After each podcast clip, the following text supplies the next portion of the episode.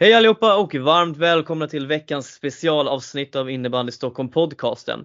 När du lyssnar på detta så är det mest troligen fredag förmiddag och det nalkas seriepremiär i Svenska Superligan för AIK innebandy. Klockan 19.00 om jag inte missminner mig fel så går första tekning i Solnahallen och med tanke på de nyförvärven AIK har tillskansat sig under årets silly season så känns entrépengen mer än värd summan. Vi har i och med detta också fått äran att ha ett celebert besök i podden. Kanske det mest celebra någonsin. Och han behöver väl egentligen ingen närmare presentation, men det är såklart en av världens bästa volleyspelare. Ett målsinne som många bara vågar drömma om med 229 matcher i SSL och 262 mål i statistiken. En citatmaskin som säger vad han tycker, en SM-guldvinnare och representerar det isländska landslaget. Och efter en tid på vift har han hittat hem till AIK igen. Vi välkomnar Andreas Stefansson till podden. Wow, vilken, eh, vilken prestation. Tack snälla!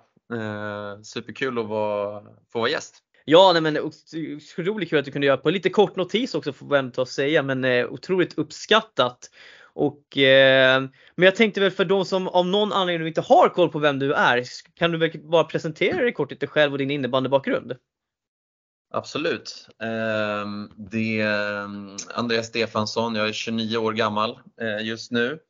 Precis flyttat hem till, eh, till Solna där jag föddes för precis 29 år sedan. Och, ehm, eh, ja, jag eh, började min innebandykarriär hyfsat sent ändå, måste jag ändå säga jämfört med många andra i min ålder. Jag tror jag gjorde min första träning när jag var 12 år gammal. Eh, blev meddragen av en, av en kompis eh, bara på skoj. Och det, han spelade i AIK då, eh, så att då följde jag med och höll på med massa andra idrotter. Eh, och, eh, men tyckte att det var kul att testa på och kände väl direkt att så, ja, men det, här, det här var skoj. Jag hade spelat mycket på skolgården och sådär Eh, hade väl någon slags eh, bollkänsla i alla fall och, och lite känsla för, för klubba. Hade lite, lite hockey innan också. Mm. Så, att, eh, så att det, det, det, var där det startade och sen eh, rullade det inte bara på därifrån. Eh, jag ska inte säga att det rullade så jäkla bra. Jag, jag var inte så jäkla vass som, som jag vill få det att låta kanske. Men, men jag hoppade lite fram och tillbaka i min satsning på fotboll och, och innebandy och till slut så det klassiska liksom beslutet man måste ta där när man börjar närma sig 16-17 eh, när det inte går att köra dubbla idrotter riktigt om man vill upp på en högre nivå så, så fick jag bestämma mig för, för en och då blev det innebandy. Eh, och det, det är jag glad för. Eller jag vet inte, jag kanske hade spelat i Premier League om jag hade valt fotbollen men, men jag, eh, ja, det, det, får vi aldrig veta. Så, att, eh, så det, det, det var så det, så det började helt enkelt. Sen när jag eh, ja, efter, efter en, en, en del harvande junioråren eh, ett gäng JAS-matcher men inte så många JAS-poäng. Det var mycket bänken där. Så, så fick jag väl mitt stora genombrott i Allsvenskan i Järfälla eh, när jag var 21-22 år gammal och, gjorde, och gjorde 50 mål där i, i Allsvenskan. Och sen, sen dess har det varit SSL, lite olika klubbar. Ja precis. Eh, och det var ju, du började karriären i AIK, eller hur också om jag inte missminner mig. Eh, mm. Så det är verkligen, du har verkligen kommit hem kan man lugnt säga. Ja precis. precis. Sen hade du, för protokollet så hade du en liten utflykt där till Hässelby någon säsong. Kanske något någorlunda svagt ögonblick där du kände att Hässelby var något spännande. Sen blev det Järfälla och skulle du mm. säga att det var just i Järfälla som din, din utveckling och karriär verkligen började ta fart? Ja men verkligen. Eh, anledningen faktiskt att jag, jag gick från AIK till Hässelby var ju för att eh, AIK la ner sin, eh, sin juniorverksamhet på, på här sidan. Jag minns inte om de gjorde det på damsidan också, jag tror det nästan. Men eh, de liksom hade, jag vet inte om de hade det lite kämpigt ekonomiskt eller vad det nu var, men de eh, bestämde sig för att starta om i alla fall. Liksom på, så att den äldsta kullen i AIK när vi fick gå då, då, då var, jag tror att de var typ 11 eller 12 år så att det var verkligen så här en ny start. Vilket gjorde att mm. Eh, jag, vi var ju absolut inte, jag och min lagkamrater i AIKs HJ-lag som man precis hade kommit upp i var ju absolut inte aktuella för något A-lagsspel. Det var ju en AIK var, var, var riktigt vassa också, liksom, hade vunnit SM-guld något år tidigare och sådär. Så, att då, då var man 15 och kanske inte superaktuell för att kliva in i, i, i SSL. Men, ehm, Ja, nej, så, så det vart ju något mellanår där i Hässelby eh, och sen eh, till Järfälla där, eh, där det ja, faktiskt hände, hände lite mer i min utveckling. Eh, jag gick från att jag hade, jag hade spelat back eh, när jag spelade i AIK, mm. även i hela min Hässelby-sejour och sen när jag kom till Järfälla var jag också back. Gjorde mina första stapplande allsvenska matcher i, som back också. Ja. Men sen, eh, sen blev det ändring på det och det får jag väl vara tacksam för. Ja, för det, det var, någonting måste ju hända där säsongen eh, 2014-2015. För en hel, du gick från att göra 11 poäng och 6 plus 5 till att göra 26 mål och 3 ass bara. Var det dels den säsongen när du blev uppflyttad och fick spela, spela forward? Egentligen? Ja, precis. Eh, jag hade varit lite forward. Det var väl en liten övergångsperiod där det var lite fram och tillbaka. Jag tror att jag var lite utav en utfyllnadsspelare där innan där jag mm. framförallt var back men kunde kliva in om det krisade eller om det skulle ruckas om i konstellationer och sådär så kunde jag kliva in på, på forward. Mm. Ehm, så, att, eh, så att där hände det någonting. Det var, jag minns att den säsongen jag gjorde 11 poäng där så, så satt jag ner med var det Mika Packalén eh, som tränade oss i Järfälla tillsammans med Josef Rosengren. Som jag vet exakt vart han är nu. Han varit i Täby lite grann vet jag. Ja. Eh, men han, eh, då satt jag och hade ett möte med dem kring jul och då hade jag inte spelat så himla mycket. Och då sa de att vi, för din utveckling så tror vi att det är bäst att bli utlånad för att ja, jag satt, satt rätt mycket på bänken. Och då mm. föreslog de antingen att jag skulle eh, till Visby i division 1 eh, eller till Kungsängen i division 2 tror jag det var. Eh, var mm. liksom de alternativen som de hade lagt upp på bordet. Och så sa de att ja, det finns ett tredje alternativ och det är att du, du stannar och krigar liksom för din plats. Men vi vill bara liksom flagga för att det kanske inte blir så mycket speltid. Men, men då stannade jag kvar. Eh, jag kände att jag var inte så sugen på varken Kungsängen eller Visby. Inget ont om dem, lagen eller städerna. Men, eh, men så gjorde jag det och eh, efter det så, så rullade jag egentligen bara på. Det var väl då jag gjorde de där få poängen som inkasserades den säsongen och sen mm. blev jag som sagt uppflyttad till forward säsongen efter och då, då började det verkligen hända grejer. Så att, ja, det var ett bra beslut där att inte förhasta mig med utlåningen där. Ja, men eh, nu var det här ett tag sedan, men kommer du ihåg liksom vad var det vad var det du fokuserade på inför den där säsongen 2014-15? För det blir ju någonstans, där blir ju avstampet verkligen på din karriär för du, du är ju du är ju en målskytt. Alltså det, beskriver man dig som spelare så är du ju målskytt. Och eh, du sa att du spelade mycket back och du var verkligen har varit en hyfsat målfarlig back för du gjorde ju ändå ett par mål per säsong. Eh, men vad var det som blev förändringen från mellan de två säsongerna? Vad var det som gjorde att du helt plötsligt blev en målmaskin? Jag tror att det är lite, lite olika parametrar som spelar in där men, men dels så, så tror jag att jag fick direktiv om att vara lite mer rakare mot mål. Eh, det började så, det var Janne Gustafsson Stockholms tränare som, eh, som, som tränade oss då och han, han ville mm. att jag skulle liksom hålla mig mycket på mål för att jag eh, hade inte det, det bästa skottet utifrån direkt så att det, sa, mm. det liksom, tog sig ganska naturligt att jag inte skulle stå i fickan liksom och, och hålla på med båg, bågningar och, och, och dylikt för det, det, det, var jag inte speciellt bra på, inte, inte idag heller mm. egentligen. Så att, då, då blev det var så det började och sen så fick jag liksom någon knäpp där att ja, men nu ska jag stå här. Och så började det väl ramla in lite mål och kände att ja, men fan, det här är jag bra på. Mm. Och i, i, samma veva så liksom kände jag att när man får lite, lite feeling för någonting och känner att man är bra på något så är det lätt att man ja, men, triggar sig själv ännu mer och jag kände att så, då vill jag ju träna och bli ännu, ännu bättre på det här. Liksom, jag såg ju liksom inget inget stopp för hur, hur, hur bra jag kunde bli på just liksom det här, ja, men inte, Holmström om man ska dra en hockeyreferens, mm. stå framför mål och, och, och grotta liksom och peta in lite enkla eh, inom situationstecken mål. Och, mm. eh, och då stod jag tränade, då, då jag började liksom träna lite volley extra och stå lite efter och innan träningarna och, och gnugga lite grann. Mm. Eh, och det gav ju resultat känner jag.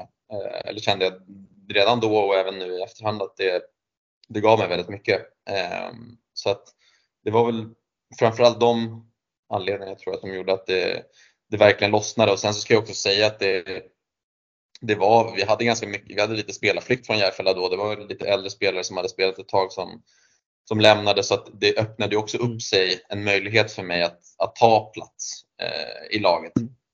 Eh, för det ska man också ha med sig att oavsett såklart är man extremt, extremt bra så kan man ju slå sig in var som helst men, men mm. ibland handlar det lite om tur och timing också med eh, spelomsättning. Eh, att man ska, man ska träffa rätt och det kan man väl säga i alla fall sen med facit i hand att jag, jag gjorde tror jag. Mm. Ja, men alltså eh, verkligen, för det känns ju verkligen som att just det här volleyspelet och det här spelet runt kassen, det vart verkligen ditt adelsmärke på något vis. För att det var ju, det vart ju väldigt liksom, du hamnade ju ändå på tapeten i, på grund av det spelet. För att eh, sen tog du med dig in till året därefter, då gjorde du hela 50 mål på 22 allsvenska matcher. Det är ju, det är ju hisnande mycket mål. I alla fall under den tidsperioden. Sen vet vi ju att Madani nu och Kristiansson eh, här krossade ju rekordet nu senast. Men vid den tidsperioden så var ju 50 mål, det var ju det var ju väldigt mycket. Mm. Ja men exakt. Ja, det, är, det är nya tider nu. Som du säger, det är Madane Kissensen eh. Men eh, nej, ja, jag slog ju rekordet med de målen. Men, mm. så det, det, var ju men när man själv är inne i det så känns det som världens mest naturliga grej att man gör snitt, vad kan det ha varit, det snittade två mål per match liksom. Det låter ju inte helt galet men när man lägger in 50 mål och har den kontinuiteten så är det klart att det blir ganska mycket.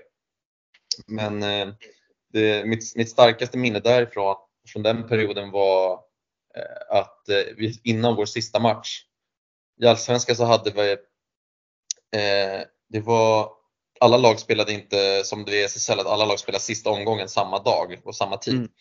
Så Hudik Björkberg hade spelat sin sista match dagen innan och då var det Johan Elving, tror jag han heter, ja. som, som ledde skytteligan med fem fem mål före mig. Mm. Nej, nej, vi kanske spelade samma dag, jag minns inte hur det var. Hur som helst så ledde han med fem mål och då gjorde innebandymagasinet en, en, en intervju med honom om hur det kändes att vinna skytteligan eh, i, i Allsvenskan.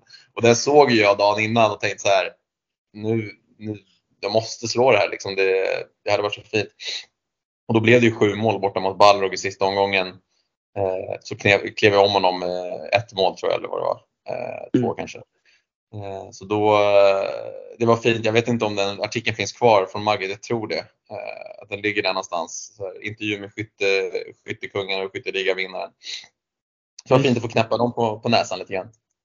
Det, finns, det är alltid kul att knäppa Margit lite på näsan, det måste man ju ändå mm. vara ärlig med. Eh, och det var ju, det var ju Ja, det var några fina lirare som spelade i det Järfälla-laget där den säsongen kan man ju lugnt säga. Eh, och några av dem har ju, en i alla fall, eller två av dem är väl till och med med i laget idag också. Jag tänker på eh, Oskar Hagberg och eh, Helmer Hernegran i alla fall.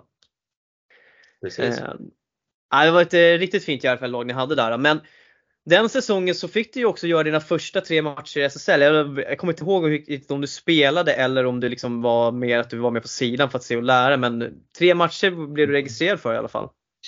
Ja, det var, jag minns att det var en en match där jag inte spelade någonting. Jag minns inte vilka det var emot. Sen var det en match där jag bara spelade, jag bara spelade sadden. Eh, Linköping eh, hemma eh, vet jag. Eh, så det var lite speciellt.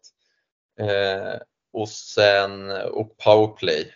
Sadden och powerplay tror jag spelade den matchen och sen var det en match borta mot Växjö 0-5 i röven efter första perioden. Eh, då spelade jag tredje kedja tillsammans med Carl-Johan Eireus och Oskar Hagberg.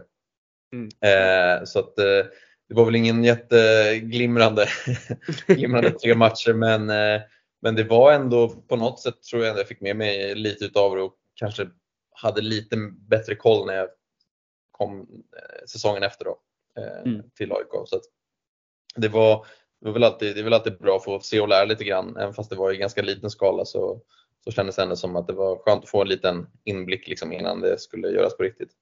Ja men precis. Eh, jag kommer ihåg, jag, jag tror att, för, alltså efter den första säsongen du gjorde med AIK SSL, jag kommer ihåg faktiskt så jag, eh, jag vet ju att många ungdomsspelare är ju lite så här, du vet, rädda och skraja för det här med att stå framför målvakten eh, och mm. runt kassen vet när jag ska skjuta och sånt där. Men jag kommer ihåg hur jag visade lite foton och videos på när du spelade. Eh, om att eh, titta lite på det här liksom, rörelsemönstret, hur man rör sig runt kassen, var har man klubban någonstans. Och så att få, unga spelare ska förstå att shit, här kan vi göra, vi kan göra massa mål på det här sättet. För att mm. ungdomsspelare gillar att göra mål, alltså, så är det ju liksom. Att yeah. kunna hit, alltså förstå vikten av den här rollen. Jag tycker fortfarande än idag, visst på elitnivå så tror jag ändå att alltså, den är ganska tydlig att man ska ha, måste ha en spelare i den här rollen. Men tittar mm. du på juniornivå till exempel och ner, alltså det är så oanvänt eh, skulle jag säga. Så att, ja. alltså, för er juniorer som lyssnar, kolla på Andreas Stefansson när han spelar runt kassen. Alltså det, jag kan bara rekommendera det. Vi behöver mer sånt. Om inte annat så har man en bra möjlighet där för att nu för tiden så, så tenderar ju innebandyspelare att, eh, att vara ganska lika i sin spelstil, åtminstone om du liksom delar upp det i forwards och backar. Liksom, att forwards ja. ska vara bra på golvsorra och eh, skjuta hårda bra dragskott. Liksom. Och det är inget fel med det. Det är, alltså, det är ju kanon och det är ju mm. extremt effektivt.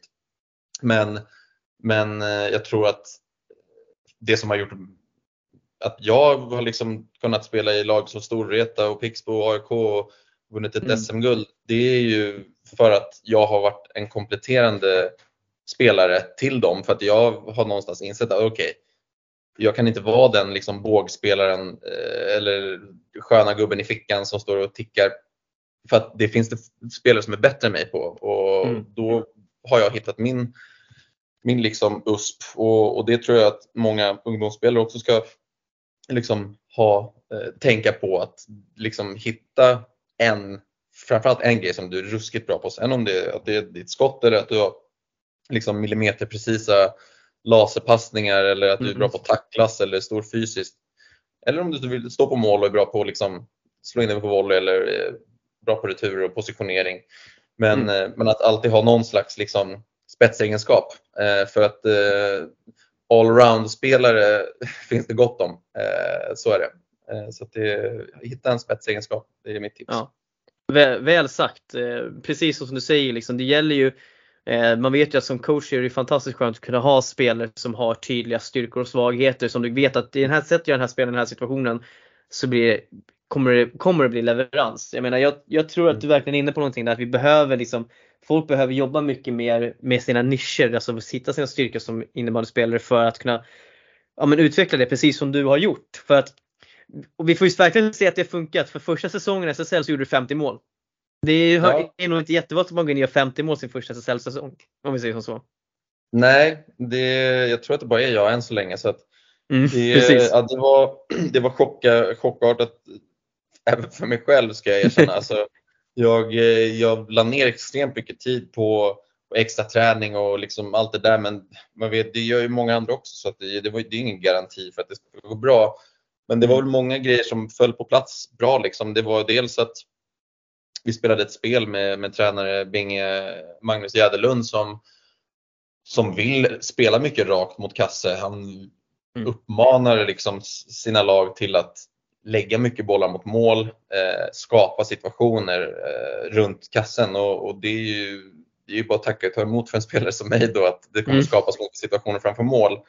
Eh, och sen så i kombination med att SSL-lagen som jag hade dålig koll på, de hade ju ganska dålig koll på mig också för att det var inte så mycket highlights från allsvenskan säsongen innan då. Liksom, så att då, de kunde inte se hur jag hade spelat så att de fick väl en liten chock i att oj, där står han uppe och fiskar eller ja, där, han var snabbare än vad vi trodde framför mål. Så att, mm.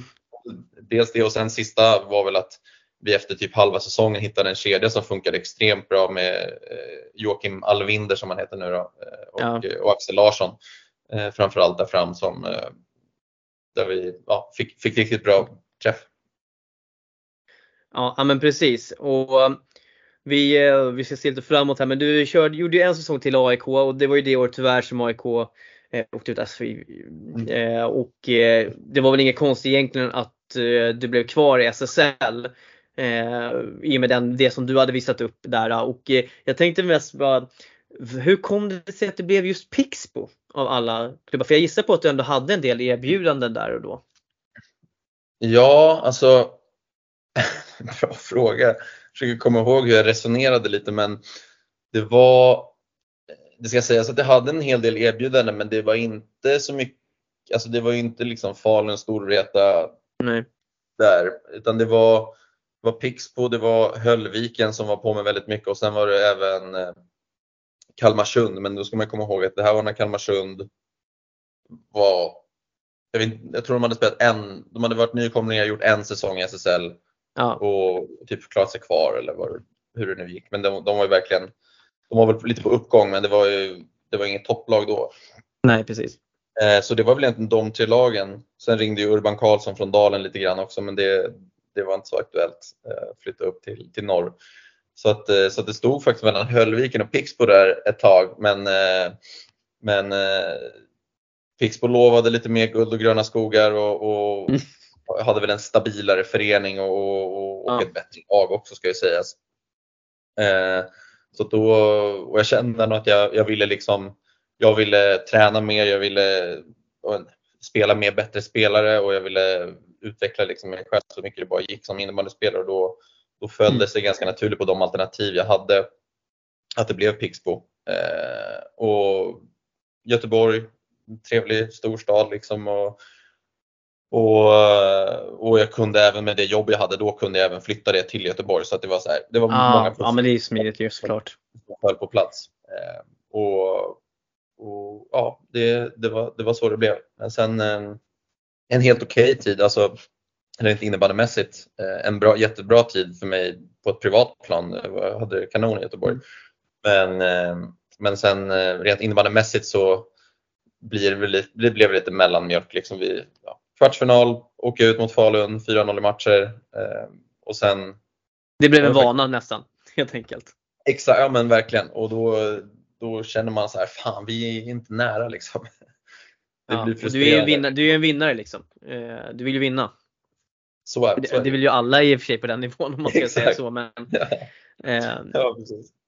Men eh, ja, nej men eh, jag, jag, jag, jag köper det rakt av. Det är klart att känner man att eh, laget står och stampar på samma ställe och liksom inte tar kliv framåt, då kanske man känner själv också. Men jag, ja, men, jag, nu har jag varit här. Jag, jag har gjort det jag kan här liksom. Utan nu, Jag behöver testa vingarna någon annanstans.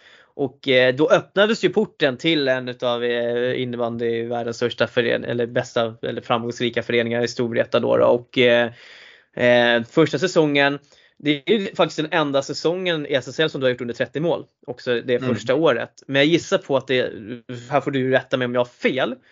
Eh, men det var väl kanske också att du kom in i ett Storvreta där det fanns ganska många tunga namn. Det var lite mer konkurrens om speltid kanske och spelformer och sånt där. Eh, det, den första säsongen. Men hur, var, hur gick känslan där?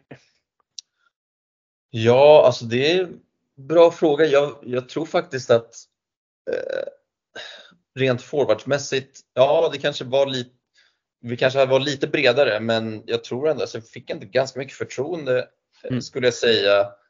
Eh, men det testades lite mer fram och tillbaka. Eh, det vart inte sådär liksom uttalat, alltså det är klart att jag spelade lite grann med Albin Sjögren första säsongen men det var lite mer med Mm. Filip Eriksson som fortfarande var lite eh, lite halv rookie liksom. Det är klart Lite junis. som en duktig spelare men, eh, men det kastades om ganska mycket och då, då blir det så som ny att så här, okay, inte kontinuitet och man famlar lite, fumlar lite efter Mm. liksom, både form och, och en radarpartner och allt det där. Mm. Eh, så att eh, den säsongen är nog den, om du skulle liksom rada upp alla mina säsonger, är nog den som jag, trots att det bara var två år sedan, att, som jag typ har förträngt mest tror jag för att jag kände att det gick lite troll i målskyttet. Mm. Sen så minns jag att jag fick mycket beröm från Oskar Lundin att han tyckte att jag var vass i mitt, eh, i mitt försvarsspel och, och jag vet att jag kom, jag kom på andra plats i plus minus statistiken i, i laget det året. Jag tror bara det var Tobbe Gustafsson som, som slog mig där. Så att, eh, så att det, uppenbarligen så utvecklade jag andra delar av mitt spel men det, Mm. det, det syns ju inte på samma sätt och, och, och Nej, kanske inte är, har varit liksom lika talande för mina, liksom för mina insatser tidigare år. Så, att, Mm. så det, ja, det, var, det var lite speciellt. Och det, men jag tror att jag kunde ändå liksom det var dels bra av Oskar om det nu var så att jag, att jag utvecklade mig, eller om han bara sa det för att vara snäll mot mig för att hålla mitt självförtroende i schack. Men, men det kunde ändå luta mig tillbaka på och känna att ah, men fan, jag gjorde mycket annat bra. Eh, mm. Så att, eh, då, då kunde jag ursäkta mig med det.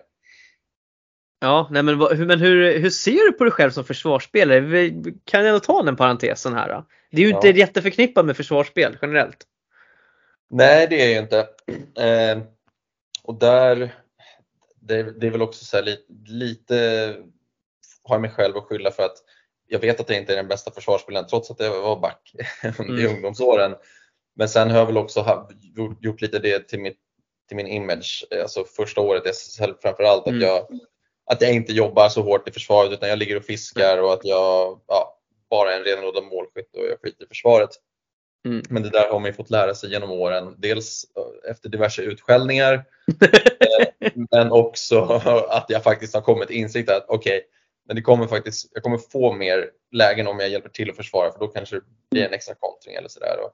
Så att jag, eh, jag, jag tror, jag, jag har faktiskt, känner starkt att jag blivit bättre på och jag känner att jag har eh, bättre liksom tränad rent fysiskt när jag kom upp till SSL mm. och även när jag spelade i sista säsongen av Allsvenskan så jag var ju, jag var en riktig spinkis. Jag mm. hade liksom inte så mycket muskler på kroppen och det, det är klart att då fladdrar man ju runt liksom som en liten vante där när man ska möta Jendrisak och, och gänget framför mål. Det, Då har man så mycket att sätta emot. Eh, så att, eh, så att jag tror att det, ja, minns inte Just det, försvarsspelet, precis. Nej, men så jag, jag, tror att min fysik har, har hjälpt till ganska mycket, att jag har fått jobba upp den eh, och, eh, och sen även bara erfarenhet av att eh, vara på en innebandyplan har gjort att jag har blivit lite smartare som innebandyspelare också, även i det defensiva. Ja, alltså man utvecklas ju, man utvecklas ju löpande. Det gör man, ju, man, man slutar ju aldrig lära, alltså, bli bättre egentligen. Det är, mm. Förutom när man slutar träna då såklart. Men, ja. Eh, ja men spännande för vi kommer komma tillbaka till den biten lite så det är som jag ville right. passa på att ta den redan nu.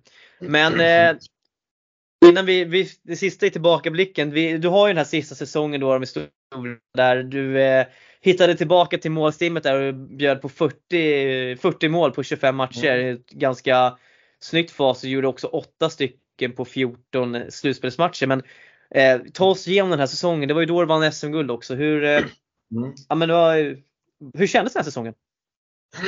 Nej, men det kändes eh, på förhand var, ska jag säga att det kändes sådär.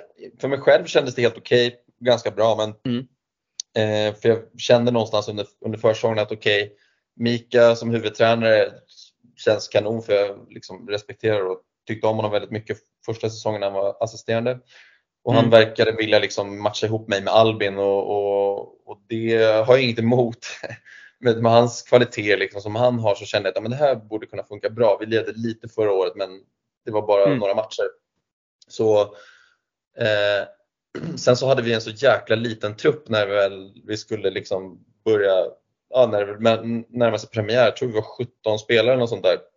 Ja, det var truppen. Kontra AIK nu där vi i år har 29 spelare i truppen så det är lite skillnad.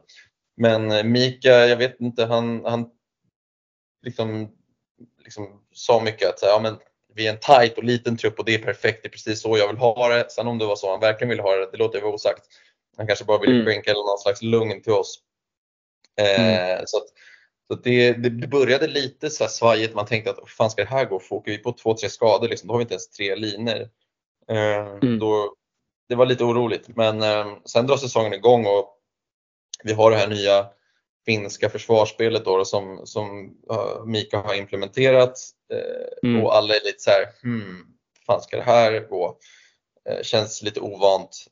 men innan vi ens hann fundera på om vi hade liksom lyckats bli bra på det eller inte så drog serien igång och vi lyckades vinna matcher och hade en sjukt solid, solid försvar. Så att, mm. och då rullar det egentligen bara på och jag kände väl ganska tidigt också att jag eh, fick bra kemi med, med Albin.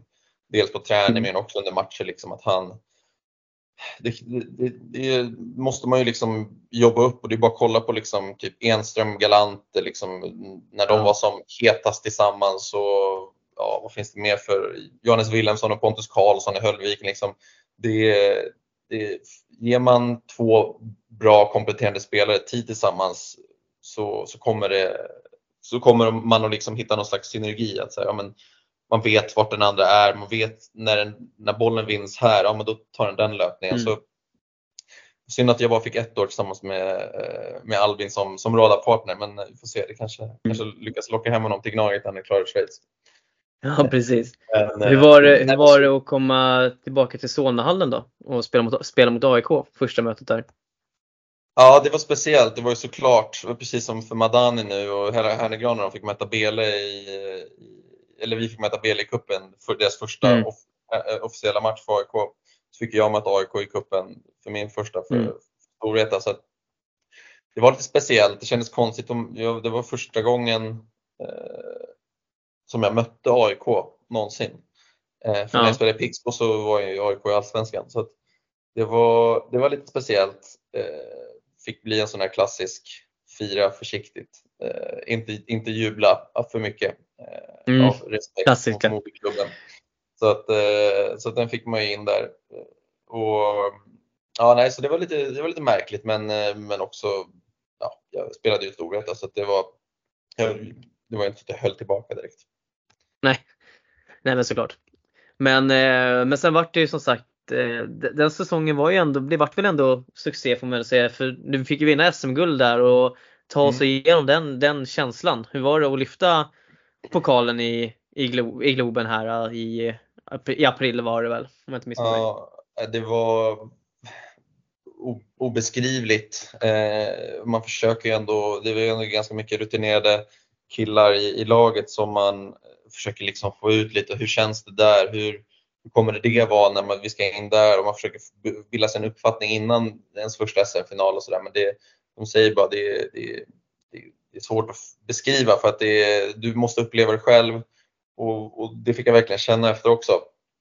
Sen var väl det en liten emotionell berg och dalbana just finaldagen för att jag hade dels varit lite sjuk och, mm. och, och sen åkte jag på en liten hjärnskakning i semifinalserien mot Växjö. Eh, I kombination med att när jag var borta lite grann så klev det in andra spelare som gjorde det jäkligt bra.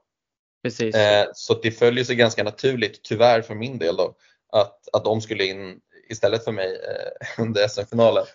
Eh, mm. Så jag missade, jag, det var två matcher jag fick starta på sidan under hela säsongen och det var Game 7 mot Växjö och, och SM-finalen. Det var ju ganska två risiga matcher att, välja eh, faktiskt. Men, men jag hade ändå ett jäkla lugn och trygghet i att de som skulle spela skulle göra bra. Jag visste att blir det powerplay så kommer jag in och ja, jag, ja. jag visste att jag skulle lira lite grann också. Men det var inget jättekul. Samt, jag förstod ju direkt när vi hade varit ute på en promenad på förmiddagen eh, och så kom vi tillbaka till hotellet och så sa Mika, bara vinkade in mig lite grann och bara kom, kom upp till mitt rum, eh, mm. hotellrum, så vi snackade lite. Då visste jag att okej, okay, nu kommer mm. det inget roligt besked här, men det var ju bara att vara, vara redo och, och, och sådär ändå. Och sen, jag menar, när slutvisslan går då, då, då, då skiter man i om man är gubbe 1 eller 18 liksom. Ja, eh, och hur mycket man har spelat på hela säsongen och sådär. Då är det bara total eufori och glädje. Och, nej, det, var, det var häftigt som fasen. Och det var nära också. Det var ju nära. Det vart ju lite nerv i den där finalmatchen också där när Falun ja. gör 4-5 i slutet. Hur, hur, hur, hur var de två sista minuterna? Ja, oh, fy fan det kändes som, nu när man har sett dem i efterhand så är det ju liksom en vanlig match, eh, alltså rent tidsmässigt, men det kändes såklart som att det var, gick en halv dag. Eh, och när man tittar upp på klockan när Malta har gjort 5-4 målet där så bara så här, det är hur mycket tid som helst kvar. Man tänker mm. bara det här, de, har ju liksom, de kommer ju kunna göra fyra mål till om de vill. Eh, mm. Så att då, jag minns att jag mådde illa liksom. Eh, just för att jag, nu har jag ändå spelat ett gäng byten i tredje perioden men, men när man liksom vet att okej, okay, nu ska vi stänga ner matchen. Jag vet att jag kommer inte komma in så mycket mer. Mm. Eh, förutom om jag ska typ teka eller om vi får PP eller något. Ja, då, då, då minns jag att jag stod där och bara så här, fy fan, det var en riktig ångestdusch som sköljde över en. Men, eh, men vi lyckades ju lösa det och så då, då, var det ju, då vände det ju snabbt såklart till eufori. Ja, Eh, och jag tänker vi ska ju såklart prata om eh, AIK här nu igen. Men jag skulle faktiskt vilja göra en liten, så här, liten avstickare och fråga. Du, jag nämnde ju här i presentationen, du representerar det isländska landslaget till vardags och mm. Eh, jag är lite intresserad av att veta alltså vad, vi, jag hade en intervju med en annan person förra veckan som representerar Thailand så jag tänker jag ska ställa samma mm. fråga till dig. Alltså vad, stå, hur står sig isländsk innebandy egentligen? Alltså vart, vart, eh, vart ligger ni liksom i, i er utveckling? Just nu skulle jag ändå säga att det, utvecklingen står, den står inte still men den, den har avtagit ganska mycket i, liksom, i sin framfart vilket är lite synd för att mm.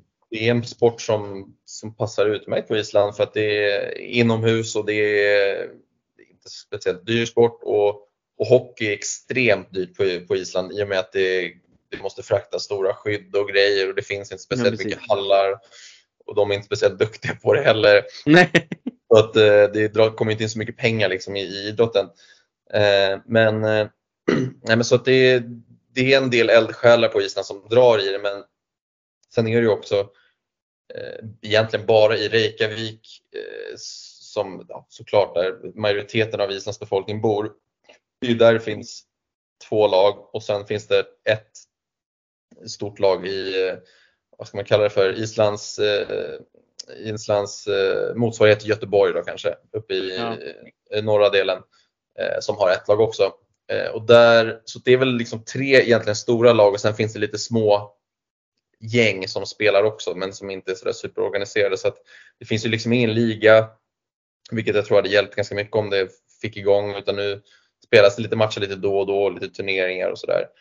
Mm. Um, så att, uh, men vi har väl ändå liksom gjort helt okej okay resultat på VM-kval och vi har varit inte allt för långt ifrån att, att ta oss vidare. Vi hade till exempel 2-1 ledde vi mot Estland med efter halva matchen i något kval för 3-4 år sedan. Så att mm. vi, har, vi har varit där men, eh, men sen är det klart att det hade varit skithäftigt att spela ett VM men sen vet man ju att vi har inte så jättemycket att hämta där.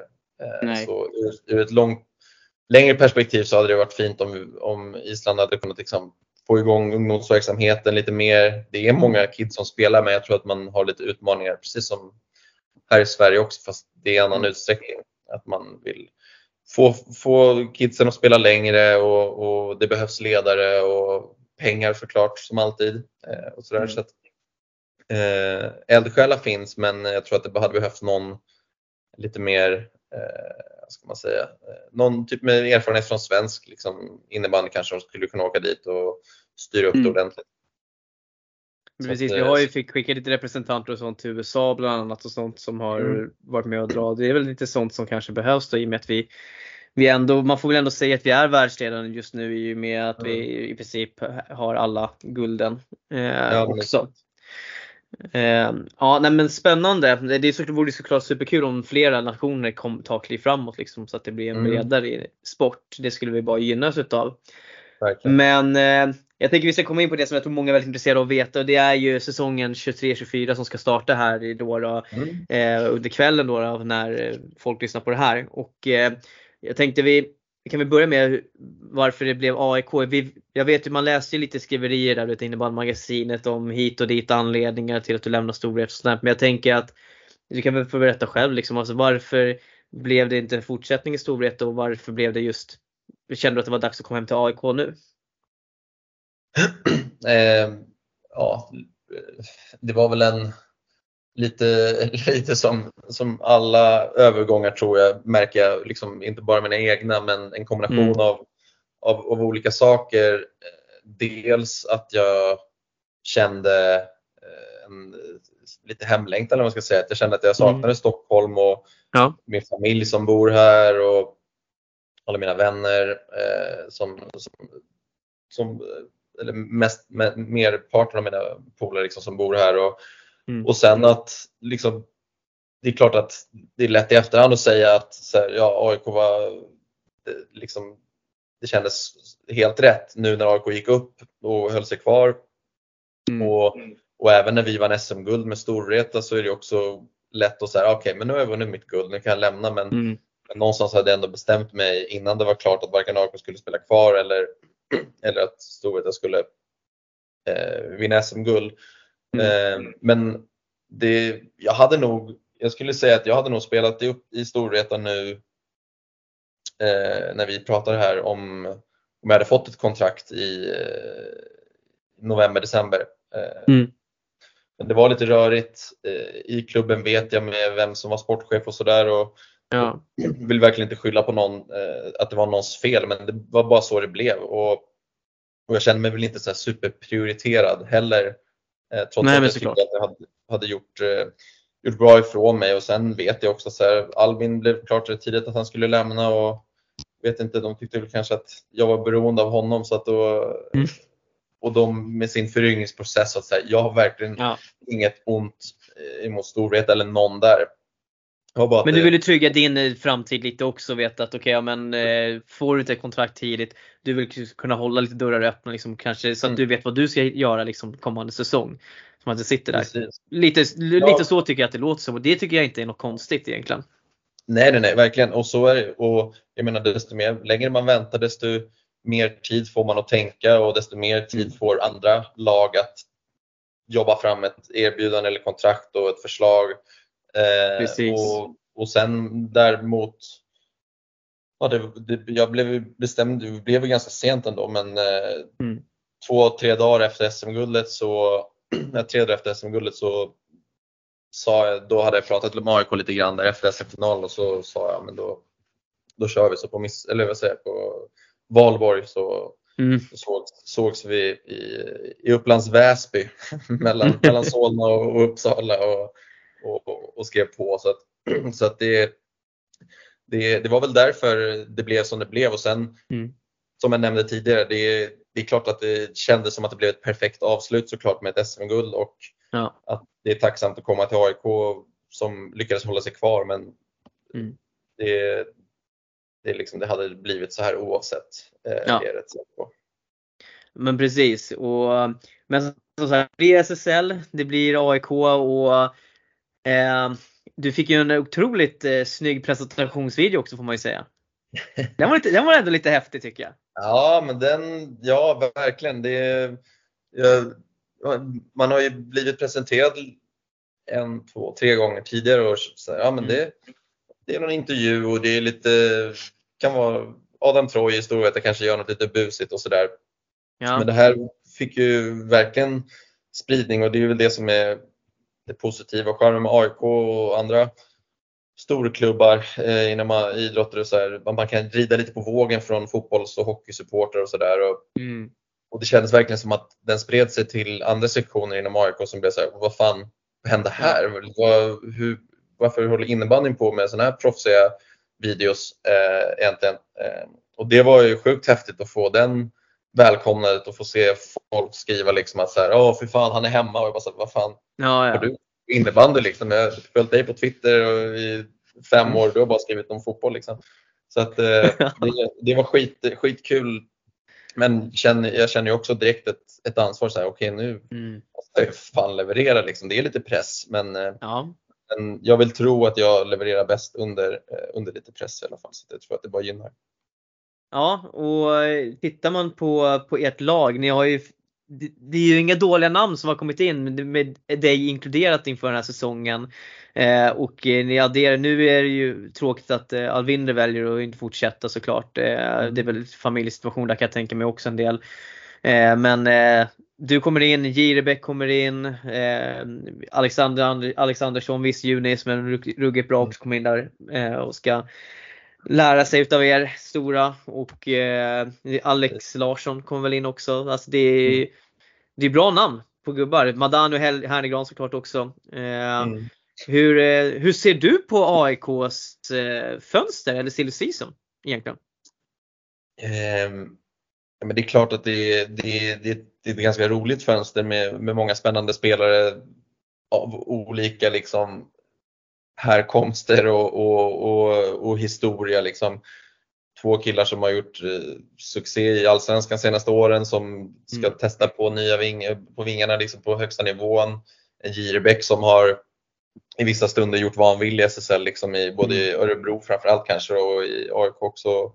Axel Larsson som fick sitt stora genombrott i, i AIK till, när jag fick det också. Ehm, Mm. Och som kanske han haft en lite, liten liksom nedåtgående trend i Göteborg där han ja, satsar lite mer på sitt privata, eh, civila karriär. Eh, men eh, superkul såklart att han eh, ville, ville liksom ta upp det eh, Mm. på SSL-nivå igen. Eh, och så Alexandersson som du nämnde som är, eh, känns som en riktig, ett riktigt framtidsnamn.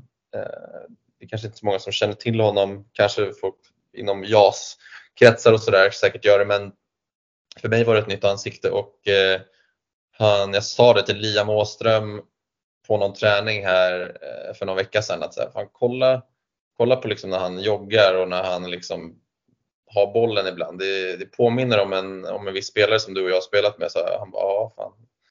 Eh, Lite Nilsbert-vibbar över honom. Eh, Ja. och, eh, det är ju ingen dålig jämförelse eh, om, man, om, man är en, om man är en back. Eh, men han har liksom hyddan och han är, fan, är 16 år liksom, och springer runt och tacklar folk till höger och vänster och, och, och liksom ganska hänsynslös. Liksom. Och det, det, det kommer ta honom långt, det är jag övertygad om.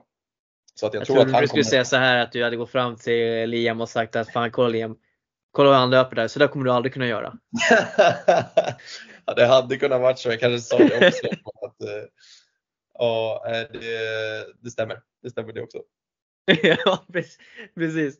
Ja, nej men eh, och, eh, men hur, det som jag är ändå lite oroad över när jag tittar på laget, det är ju den defensiva biten. För ni, ni känns ju otroligt offensivt tunga och det kommer att göras mål i Solnahallen i år. Det kan vi lugnt konstatera. Men hur försvarsspelet för spelet där då, alltså, hur känner ni kring det? Kommer det vara full fart framåt som gäller här nu eller känner ni att ni har en defensiv plan som kommer att fungera?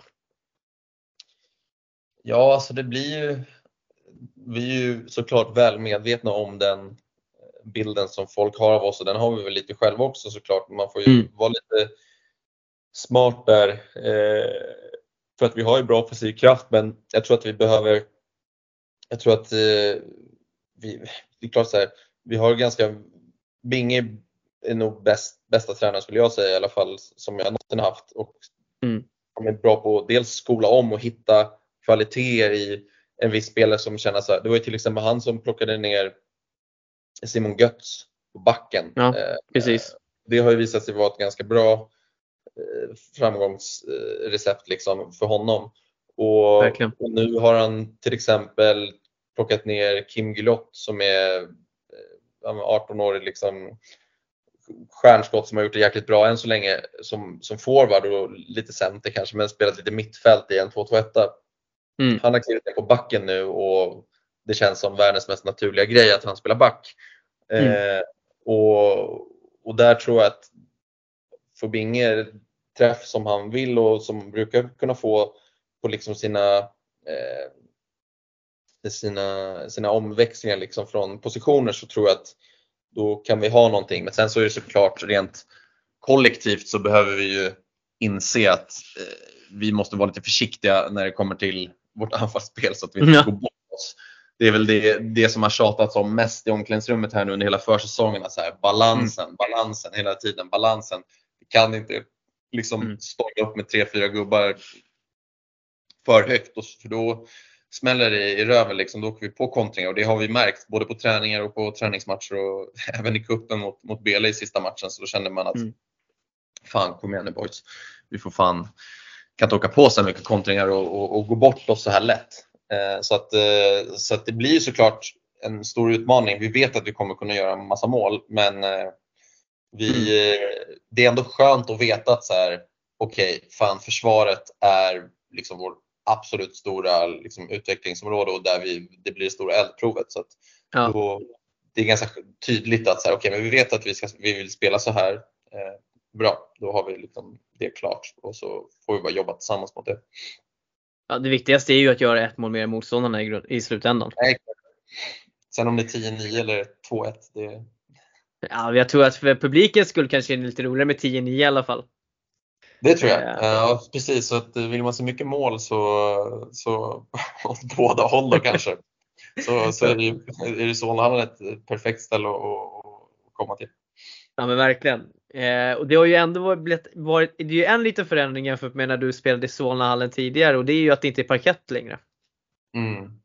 Hur, Fan. eh, hur känner du kring det? Är, det, är du en parkettlirare eller känner du att eh, fan vad skönt att de blev av med det här?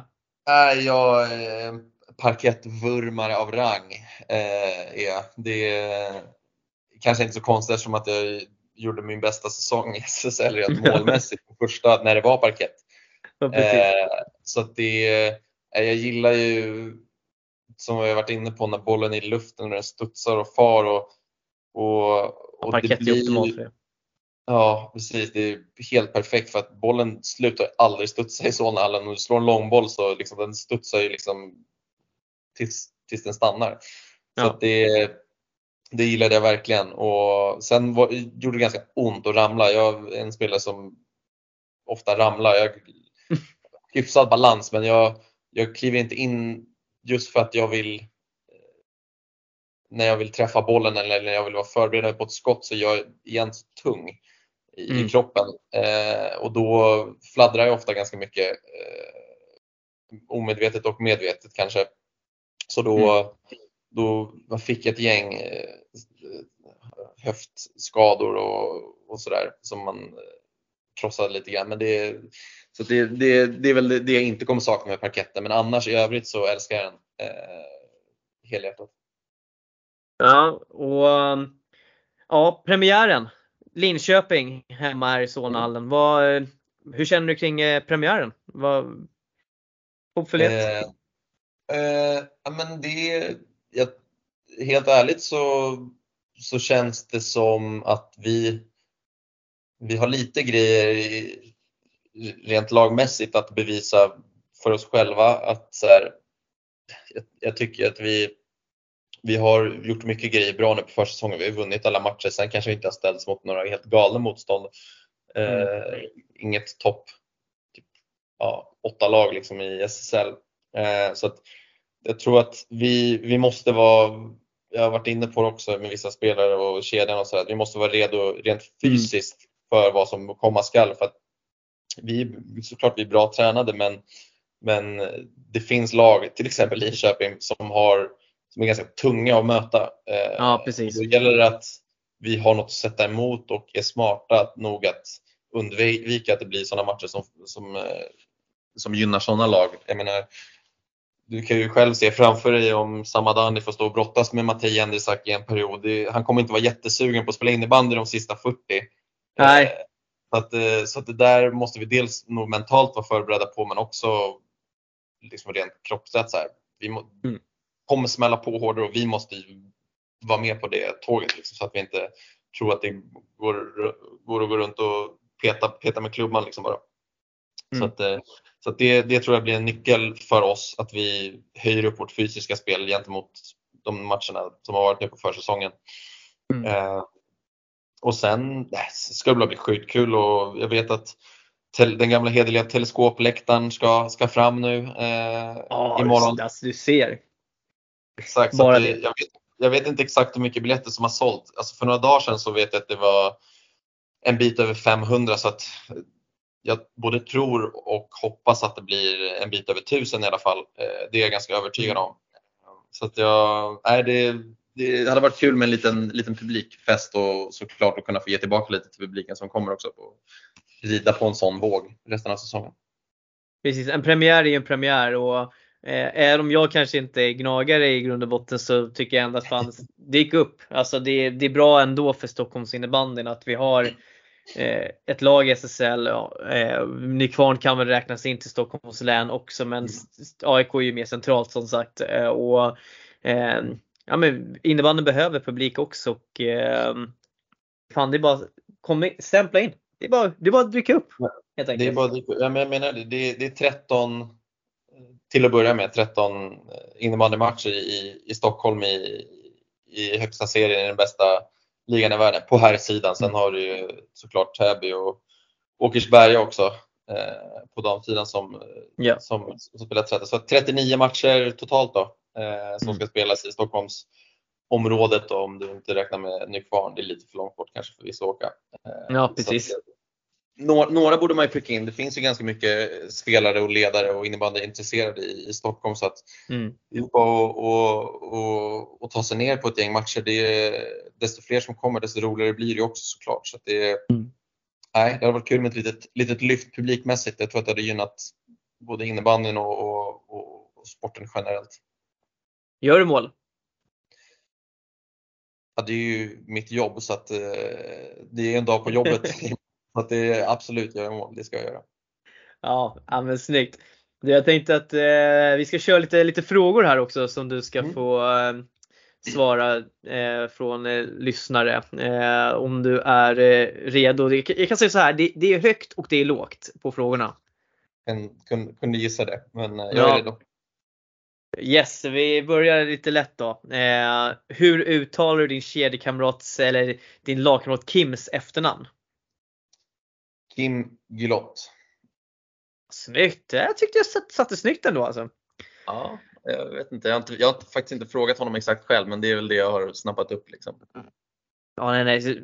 Man, ställ, man ska inte ställa den där, man ska inte ställa de där frågorna utan man ska liksom bara rida, rida på vågen. Det, det är enklast. Ja. Ehm, vem skjuter bäst? Du eller Liam Åström? Alltså, volley, jag. Handledsskott, dragskott. Då är det faktiskt Liam som, eh, som skjuter bäst. Slagskott, det skjuter ingen längre så att det behöver jag inte svara på. Backhand är det jag, är så väl det är typ 2 2-2. av innebandymålen som gör för slagskott. Men det finns ju inte mycket som slår att se en back komma och dra ett riktigt jäkla slagskott upp i krysset. Det, det är ju magiskt ändå med det. Mattias Samuelsson style. Så att, eh, Ja, nej, precis. Men, eh, men jag har ju backhand också så att eh, 2-2 blir det mellan oss då i, i skyttetävling. Fan, det är helt korrekt. Det ska, backhand, det, det, är, det är nog ändå ett skott som jag tycker fler egentligen borde träna på. För det är, det är så otroligt lurigt med backhand. Verkligen. Eh, vem kommer att ta flest skottäck av dig och Madani i år? Bra fråga. Jag tror att den blir rätt jämn. Eh, jag, vi får statistik faktiskt efter varje match på, individuellt på, på skottäck och bollvinster och, och sådär. Så att det kan ju faktiskt det kommer ju komma någon sammanställning efter säsongen misstänker jag, eller jag kan kika upp det. Så att det blir, blir en liten intern batalj där, men jag måste ju tro på mig själv ändå. Eh, Nämnde ju, se- nämnde ju tidigare att jag har blivit en bättre defensiv spelare så att jag, jag måste eh, trust the process och, och, och hoppas att jag, jag kan slå honom där. eh, faktiskt. Ja. Om jag inte missminner mig, vi spelar AIK nu 2-2-1, eller hur? Så ni kör med spets, eller hur? Jajamän. Eh, Och om jag inte missminner mig så är du och Madani spelar olika fem kedjor och ni vill båda spets också, eller hur? Ja, det är lite speciellt där för att vår kedja med Madani, Hernegren och Åström spelar lite mer likt en 2-1-2. Eh, Ah, okej. Mm. Så, att, så att eh, det blir lite olika. Han är väl inte lika högt upp i banan som mig så det, gynnar, det talar väl för honom och kanske dra ner oddsen lite på Madani i den. Eh, Det var ju en fråga som du egentligen har svar på riktigt men eh, du kan ju få ta den igen för lyssnarnas eh, skull och det är ju vilket skott du tycker är bäst. Vilket skott jag tycker är bäst? För egen del så är det självklart volley, men, men det, det skott som jag tror att jag gör mest, har gjort mest mål på generellt är ju men antingen styrningar eller, eller handledsskott. Och det tror jag många på SSL-nivå håller med mig om. Det är klart att dragskott är ett lite rent visuellt finare skott att titta på. Eh, Mm. ett, någon som hänger upp den i ett dragskott liksom. Men, men eh, flest mål i- innebandy och SSL framförallt tror jag är, är handledsskott. En, en snabb sidledspass. Så, det är väl svaret på min fråga då. Ett, eh, Mm. ett direkt skott. Ja, ja men det är snyggt. Eh, ja, vad, eh, vilken är din paradrätt? Är det någon som undrar här. Då, gissar jag på maträtt då. då. Min paradrätt? Eh, oj, vilken bra fråga. Det, det är ett ganska tråkigt svar men det är ändå en, eh, en bolognese som är, eh, som är min paradrätt. Tidigare har det varit, jag var väldigt inne på wok förut. Jag gjorde mycket wok med kyckling eh, Mm. och ris. Det fick jag väl lära mig att kosten är ganska viktig också när man, när man tränar, tränar mycket. Så att, Så då fick jag lägga om lite där, var väl inte jättevass på det i, i unga år men som, som säkert många andra. Men, men just nu är det en, en hederlig pasta, eller spaghetti bolognese som är favoriten som, som går, går mest här hemma, som jag lagar mest. Ja men en, en fin bolognese säger man ju aldrig nej till, det, det ska gudarna veta. Eh, vem är mest underskattad i laget skulle du säga? Mest underskattad eh, skulle jag säga är, eh, det är nog Daniel Ring tror jag, eh, som, som kammar hem den. Han eh, gjorde framförallt en riktigt bra andra halva eh, förra säsongen, har jag både hört och, och, och det, det lilla jag såg av AIK eh, när jag kollade deras matcher. Så att han har verkligen imponerat stort på mig och jag tror verkligen att han kommer få en, en liten genombrottssäsong i, i år. Eh, snabb, eh, teknisk eh, back eh, har han blivit omskolad till också då under Binge. Eh, det, det, behövs ju backar så att då får mm. ja, ta det, det som finns eh, till hands. Eh, så att nej, han eh, jäkligt bra, bra bollvinnare. Liksom lite, lite lik Götz på ett sätt. Inte mm. den där stora tunga backen men ettrig, snabb, eh, säker med bollen och, och, och liksom går inte in och kör över folk så mycket men är bra på att peta bort bollen från, eh, från, från forwards och, och, och mycket bollvinster. Ja, men eh, bra, bra namn. Jag tycker Ring också förtjänar lite, lite, lite spotlight. Det är korrekt. Ja, vem är alltid sen? Det är Liam Åström.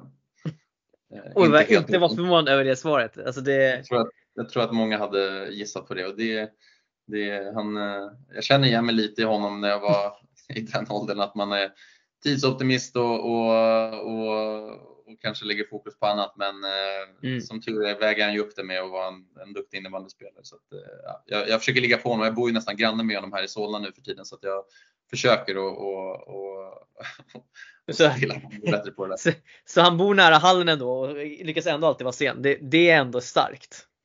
Ja, det, det, det är jäkligt starkt ändå. Men det är ofta så där, bor man nära så tänker man, ja, men vad fan. Det är Tidsoptimist. Ja. ja. Eh, har du något fysmonster i laget?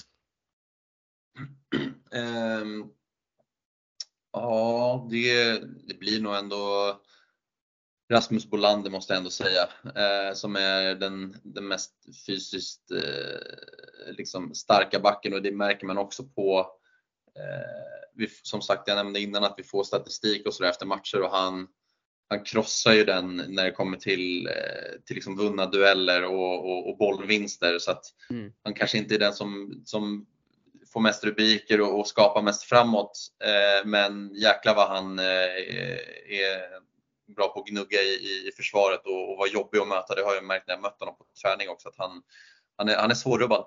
Det är han. Vi får hoppas att han, inte, att han slipper sina skadeproblem också då. Eh, han kommer ju vara en viktig, riktigt viktig del för AIKs defensiv år. Eh, det tror jag att alla är överens om.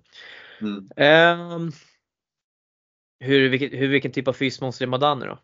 Ryktena går ju om han att han, är, har varit lite, han gillar inte fys så jättemycket men eh, Nej, vad skulle du säga? Alltså, springa är väl inte hans, alltså rent eh, konditionsmässigt kanske han inte är, är, är i topp i, i, laget men han är lite mer av en discogymmare. Han, eh, han, han gillar ju att köra bröst, rygg och, och biceps. Liksom. Eh, sen hur mycket det hjälper honom som innebandyspelare, det kanske är det som har gjort att han har stängt in så mycket mål, jag vet inte. Men eh, han, han har en bra, bra överkropp i alla fall. Sen har han lite kycklingben men eh, ja, de, de kan ju, kan ju, kan ju, han kan ju kontra med dem i alla fall så det är bra.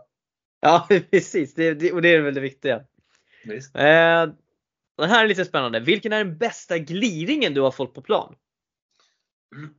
Den bästa gliringen, den, eh, den, är, den är ganska enkel faktiskt för det jag har inte fått sådär jättemycket och mycket är ju ganska likt det man får, att man är dålig och att man är sopa och att man skjuter dåligt när man drar ett avslut vid någon spelarbänk. Men, men under min första eller andra säsong, i, jag tror det var första säsongen, så mötte vi Dalen hemma i Solnahallen och eh, då vart det en spelvändning åt, åt andra hållet. Mm. Eller åt, åt, fel håll för mig då. Eh, vi skulle, jag skulle backchecka och eh, då ser jag bara hur någon bara flyger förbi mig på, på ena, ena sidan och då är Ketil Kronberg, vad kan han ha varit då, typ 40 bast eller någonting, jag vet inte. Eh, och då säger han bara, fan, han sa typ, kom igen nu ska du inte jobba hem eller? Eh, och så han typ 20 år äldre än mig eh, mm. bara trippar förbi mig och jag har lite kämpigt med, med hemjobbet. Så, att, så den, den, tog, den tog, eh, det var inte, liksom inte det, den var inte speciellt tuff gliring men den, eh, den sattes ändå på näthinnan att så här, oj. Mm. Och kanske hjälpte mig också i min utveckling rent defensivt att så här, ah, kanske, kanske borde snäppa upp det lite om, eh, om en, en 40-taggare liksom ja, verkligen. I, i, i, mitt hemjobb, i min backcheck. Så att, så att han, ja, den, den, det är väl den bästa gliringen jag fått, den, den var spot on. Ja, den, den var, den, ja, men det var ett bra exempel ändå måste jag säga. Eh, hur, om vi säger eh, på samma spår här så vi, jag tänker vi tar den här, det kanske är lite kontroversiellt men du får ändå säga vad du tycker. Det är, vem, är, vem är den sämsta trash-talken du har spelat med? Den sämsta trash-talken? Eh, mm. eh, bra fråga. Eh, det, det, som kommer upp spontant är eh, är väl Jesper Sankell. Men det är för att han, eh, han är en extremt duktig innebandyspelare, det säger jag ingenting om. Och eh, jag har träffat honom eh, utanför innebandyn och han är super, superfin kille. Så. Mm. Sen innanför planen så, så, så, tycker jag inte samma sak men det är väl bara positivt för han och hans lagkamrater och hans lag han spelar i. Så det är väl bara bra. Men, ja. men han, han, han, han brusar upp sig lätt och slänger ur sig lite grejer som som kanske inte är varken rumsrena eller, eller, eller speciellt välbetänkta. Så att han, han kan få den eh, faktiskt. Sen får han ja. ta det positivt eller negativt om han vill. Han är, väl, han är nog, är nog ganska van vid att hantera den utnämningen och kan någonstans tro. Det tror jag. Eh, hur laddar du upp inför match? Vad blir det för uppladdning inför eh, Linköping hemma? Eh, det blir väl eh, det gamla hederliga bra sömn. Dricka mycket vatten har jag blivit bättre på nu också senaste åren. Att jag har märkt att det är bra att hålla vätskebalansen innan, innan match eh, för att vara i, i bra slag. Så att, eh, det är väl mer sådana typer av uppladdningar senaste år som jag har märkt att när kroppen mm. börjar bli lite, lite äldre eh, så behöver man tänka mer på sånt. Och, eh, så att det, det är väl inget så super eh, jag har väl ingen egen liksom, ritual eller sådär riktigt. Utan jag försöker bara mest göra saker som jag tycker är kul och, och, och trivs bra med. Sen om det är att jag mm. sätter mig och, och, och spelar Counter-Strike med några polare på förmiddagen eller om jag går ut och tar en promenad eller sätter mig och tar en fika någonstans. Det, det kan vara lite olika men ja. jag försöker komma i, i, i bra sinnesstämning genom att göra saker jag tycker, tycker om.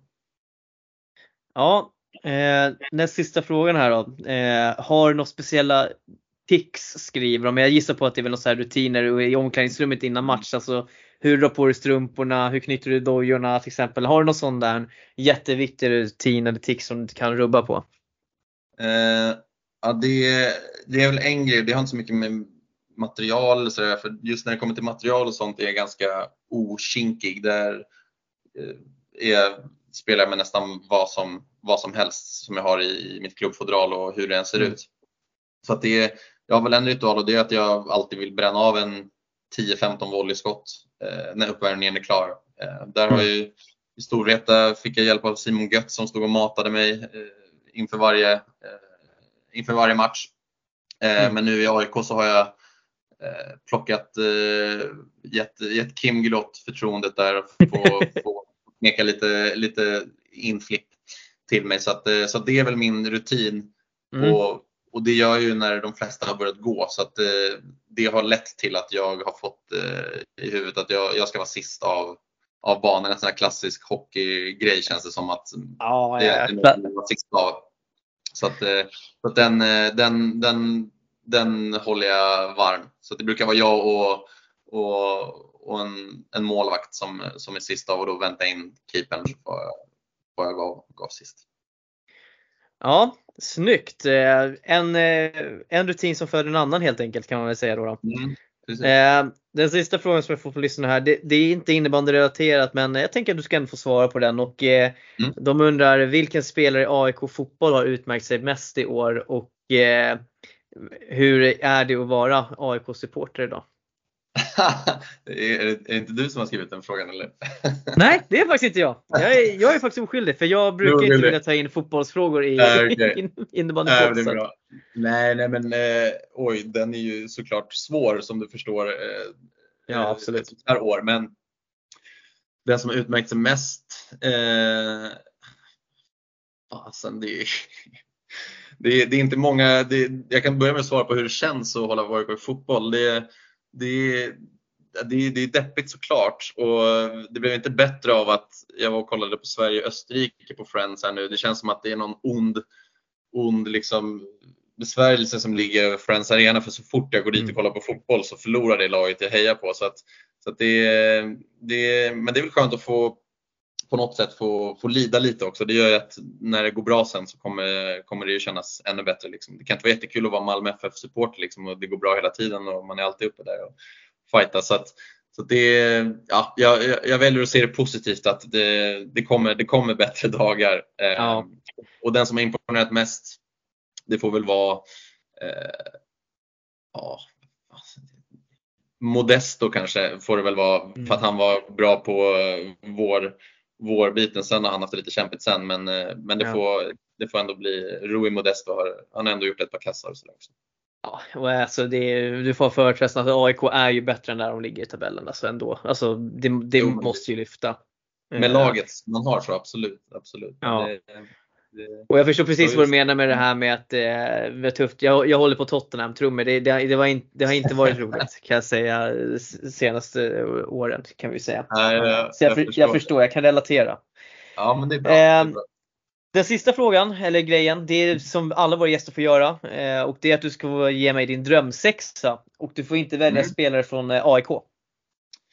Okej, eh, då ska vi se. Då, då sätter jag, då kan jag börja bakifrån då. Eh, och där, eh, där blir det eh, Måns Parsjö Tegnér. Mm. Eh, I kassen, det var, vi fick ju en säsong ihop nu här och då bevisade han för mig att han, han är på en, på en annan nivå än många målvakter. Jag har haft Jon Hedlund också. Det är, det är två lite olika typer av målvakter. Ja. Det var, ett jäkla, det var alltid väldigt tryggt att ha, och, och ha Jon bakom sig eh, såklart. Eh, och han har ju uppenbarligen fått erkännandet också i och med att spela lite VM-mästerskap för Sverige och sådär. Men, eh, Mm. men Måns, eh, på det sättet som han stängde ner under många matcher förra året och, och faktiskt var en högst bidragande faktor till att vi vann, gör att han Mm. får, får vakta, vakta stolparna. Ehm, på backplats Eh, då slänger jag ändå in eh, Robin Nilsbert eh, på backen. Eh, Mm. Där. För att han gillar ju att ta bollen mot mål och, och, och, och skjuta mycket och det gynnar ju mig. Och sen att han är ett monster liksom i defensiven. Jag har ju mött honom extremt mycket. Ja. Gör att, att jag vet hur överjävligt det är att möta honom.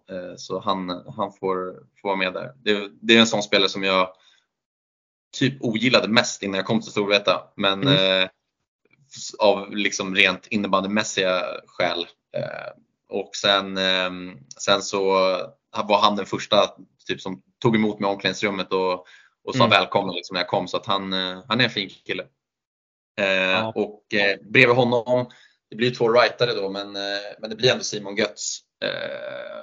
Blir det ändå för att han, honom har jag spelat ganska mycket med och som jag nämnde tidigare, när man, när man har spelat en del med spelare så har man, hittar man en slags kemi som är Mm.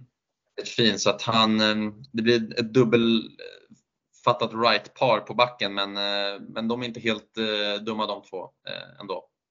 Nej, det är ju världsspelare i princip så att de klarar sig nog att spela med två, två rightare där. Och Exakt. det blir väl ändå gött som i slutändan får spela på som får spela på högerkant, högersidan då. Han får väl flytta sig för Nils Berts skull. Det beror nog hur på hur man vill ställa upp. Exakt. Eh, och sen eh, får jag väl såklart slänga in mig själv där. Eh, I och med att jag, jag bygger laget för att jag själv ska spela. Eller femman för att jag själv ska spela med dem. Så att det blir ju, Ja, du får inte ta AIK-spelare egentligen, men jag gör fan ett undantag. för jag gillar Ja, vad det här är på väg. Just vi, vi gör ett undantag. Jag, jag Ja, gillar okej. att eh, du ändå tar med dig själv. Kanske- det, det ska fan Jag hyllas. jag kanske kan hitta en, eh, om, om jag skulle bli skadad så kan jag hitta en, en ersättare för mig då som sista spelare. Men det blir eh, givetvis Albin Sjögren på, på en vänsterforwardsposition. Han är eh, den bästa spelaren jag någonsin har spelat med. Eh, Mm. Alla kategorier. Eh, det, det han visade förra året framförallt var ju liksom, ja, jag, jag skulle bli förvånad jag, vet inte ens när världens bästa spelare priset delas ut men eh, jag skulle nästan bli förvånad om inte han tar det eh, faktiskt med tanke på hur viktig han var och dels vad han har gjort, det han har gjort i landslaget också. Eh, Mm. Så att han, han är given för mig en sån, sån sexa. Sen centerpositionen är lite svårare tycker jag om man ska spela en 2-2.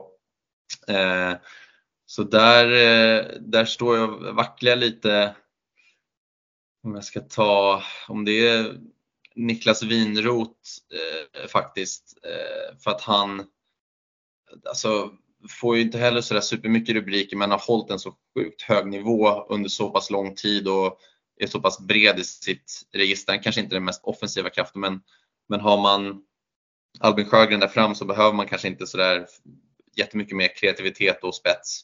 Eh, men eh, nej, lugnet själv med bollen och, och, och också ligger alltid rätt i försvaret. Mm. Och det här med balansen som vi var inne på tidigare att vi behöver i AIK nu för att hitta rätt. Den, den vet man med säkerhet att man får om man har en sån rutinerad herre som, som Winroth i, i sin femma. Ja. Så att han, han får vara center där. Eh, Eh, bra namn, tycker jag. mm. Eh, klassisk också, så här, lite skön tvåvägscenter. Ligger där, kan göra Ja. det defensivt. Det kanske behövs i, i den där uh, offensivt laddade femman. Precis. Precis. Eh, och sen eh, ja, men om jag ska lägga in en till forward då som inte är mig själv. Eh, då får jag tänka lite här. Ehm, då kanske, då får du, då, en, något som hade varit kul är, tror jag, om en spelare som är ganska lik mig om jag inte får välja mig själv, men då väljer jag Pontus Karlsson då. Eh, Ja. Gamla Höllviken-spelaren. Det är väl den spelaren som har varit mest lik mig som jag har Mm. spelat mot och, och varit i SSL senaste åren. Så att, jag tror att han och Albin hade kunnat ha, hitta ganska fin kemi där eh, tillsammans. Att, eh, en liten, en liten avig, eh, avig spelare, men det gör jag själv också. Så att jag tror att eh, de, de fem hade kunnat eh, göra, det, göra det riktigt bra faktiskt. Ja men det är absolut. Det, det, var, det, var, det var en fin femma och bra målsval där. Men Ja. eh, ja, vi, vi har nått vägs ände och eh, varför, eh, återigen, nu ska du få passa på. Varför ska man ta sig till Solnahallen klockan 19.00 nu ikväll? Ja precis, det blir ju, när det här släpps så är det ju matchdag. Eh, så att Precis. det, är- det är väl främst, främst för att eh, det kommer vara en väldigt tilltalande innebandy för, för publiken. Det är jag övertygad om. Det kommer svänga mycket fram och tillbaka. Det kommer vara, göras en hel del mål. Eh, Förhoppningsvis mer för oss svartklädda givetvis, men, Mm. men sen också det är inte, man ska inte ta det för givet att, att det spelas eh, innebandy på, på den nivån som det gör i Stockholm. För att det kolla bara förra året, liksom, då fanns Mm. det inget lag i SSL och man vet aldrig vad som händer. Och det, jag menar, det är inte bara för, för att titta på AIK tycker jag, utan det kommer komma kvalitetsspelare från hela, hela landet och det är liksom världens bästa spelare faktiskt som, som kommer, kommer komma på besök. Så att vill man Mm. se de bästa tävla eh, och man tycker innebandy är kul, då tror jag att man dels som ung spelare kan hitta ganska mycket inspiration och, och, och liksom lära sig väldigt mycket av att, av att titta live. Det är en sak att titta på TV, absolut, men, men är man på plats så, så kan man snappa upp lite mer grejer. Så att en framförallt passning till, eh, till unga spelare, juniorer och, och, och kids i, i Stockholmsområdet att passa på. Jag nämnde tidigare, det är 13 herrmatcher och 26 dammatcher i SSL eh, på hemmaplan eh, i den här säsongen till att börja med. Då. Eh, så Ja. det, det är inte jättemycket. Så har man möjlighet att ta sig ner på ett gäng i alla fall så ska man definitivt göra det för att eh, både lära och eh, få, få njuta av lite, lite, lite kul innebandy. Precis, och vill ni köpa biljetter så kan ni med fördel gå in på tickvents.com AIK innebandy. Vi lägger upp en länk också i, i, på avsnittsbeskrivningen som ni kan trycka på för att gå in och eh, trycka hem en biljett och där kan man ju även köpa säsongskort om man nu skulle vilja det om man vill se samtliga 13 hemmamatcher. Eh, så är du en innebandyvurmare så tycker jag absolut man ska se över det till ett väldigt eh, godtagbart pris också för den delen. Men eh, med det sagt, stort eh, tack eh, Andreas för att du var med i, i podden. Det har varit otroligt intressant att faktiskt lyssna på dig och det som dina erfarenheter och det du har. Och jag tycker det har kommit många bra tips också för många utav de yngre spelarna, liksom, vad man kan tänka på och hur det är liksom ändå att vara inne i SSL-bubblan. Så att, stort tack verkligen! Tack själv! Det var super, supermysigt att få, få spendera en, en, en förmiddag här med, med innebandy Stockholm eh, och ja. delar med mig av lite erfarenheter och, och, och tips och tricks och sådär. Så att, eh, ja, nej, det tackar jag för. Ja, men då kan jag inte göra mer annat än att önska stort lycka till och eh, vi får hoppas på tre pinnar hem direkt här så ni får, får börja säsongen med en bra känsla. Och eh, som sagt, till våra lyssnare 19.00 Solnahallen. Det är bara att stämpla in och komma dit och så får jag ha en trevlig dag. Hej då! Ciao!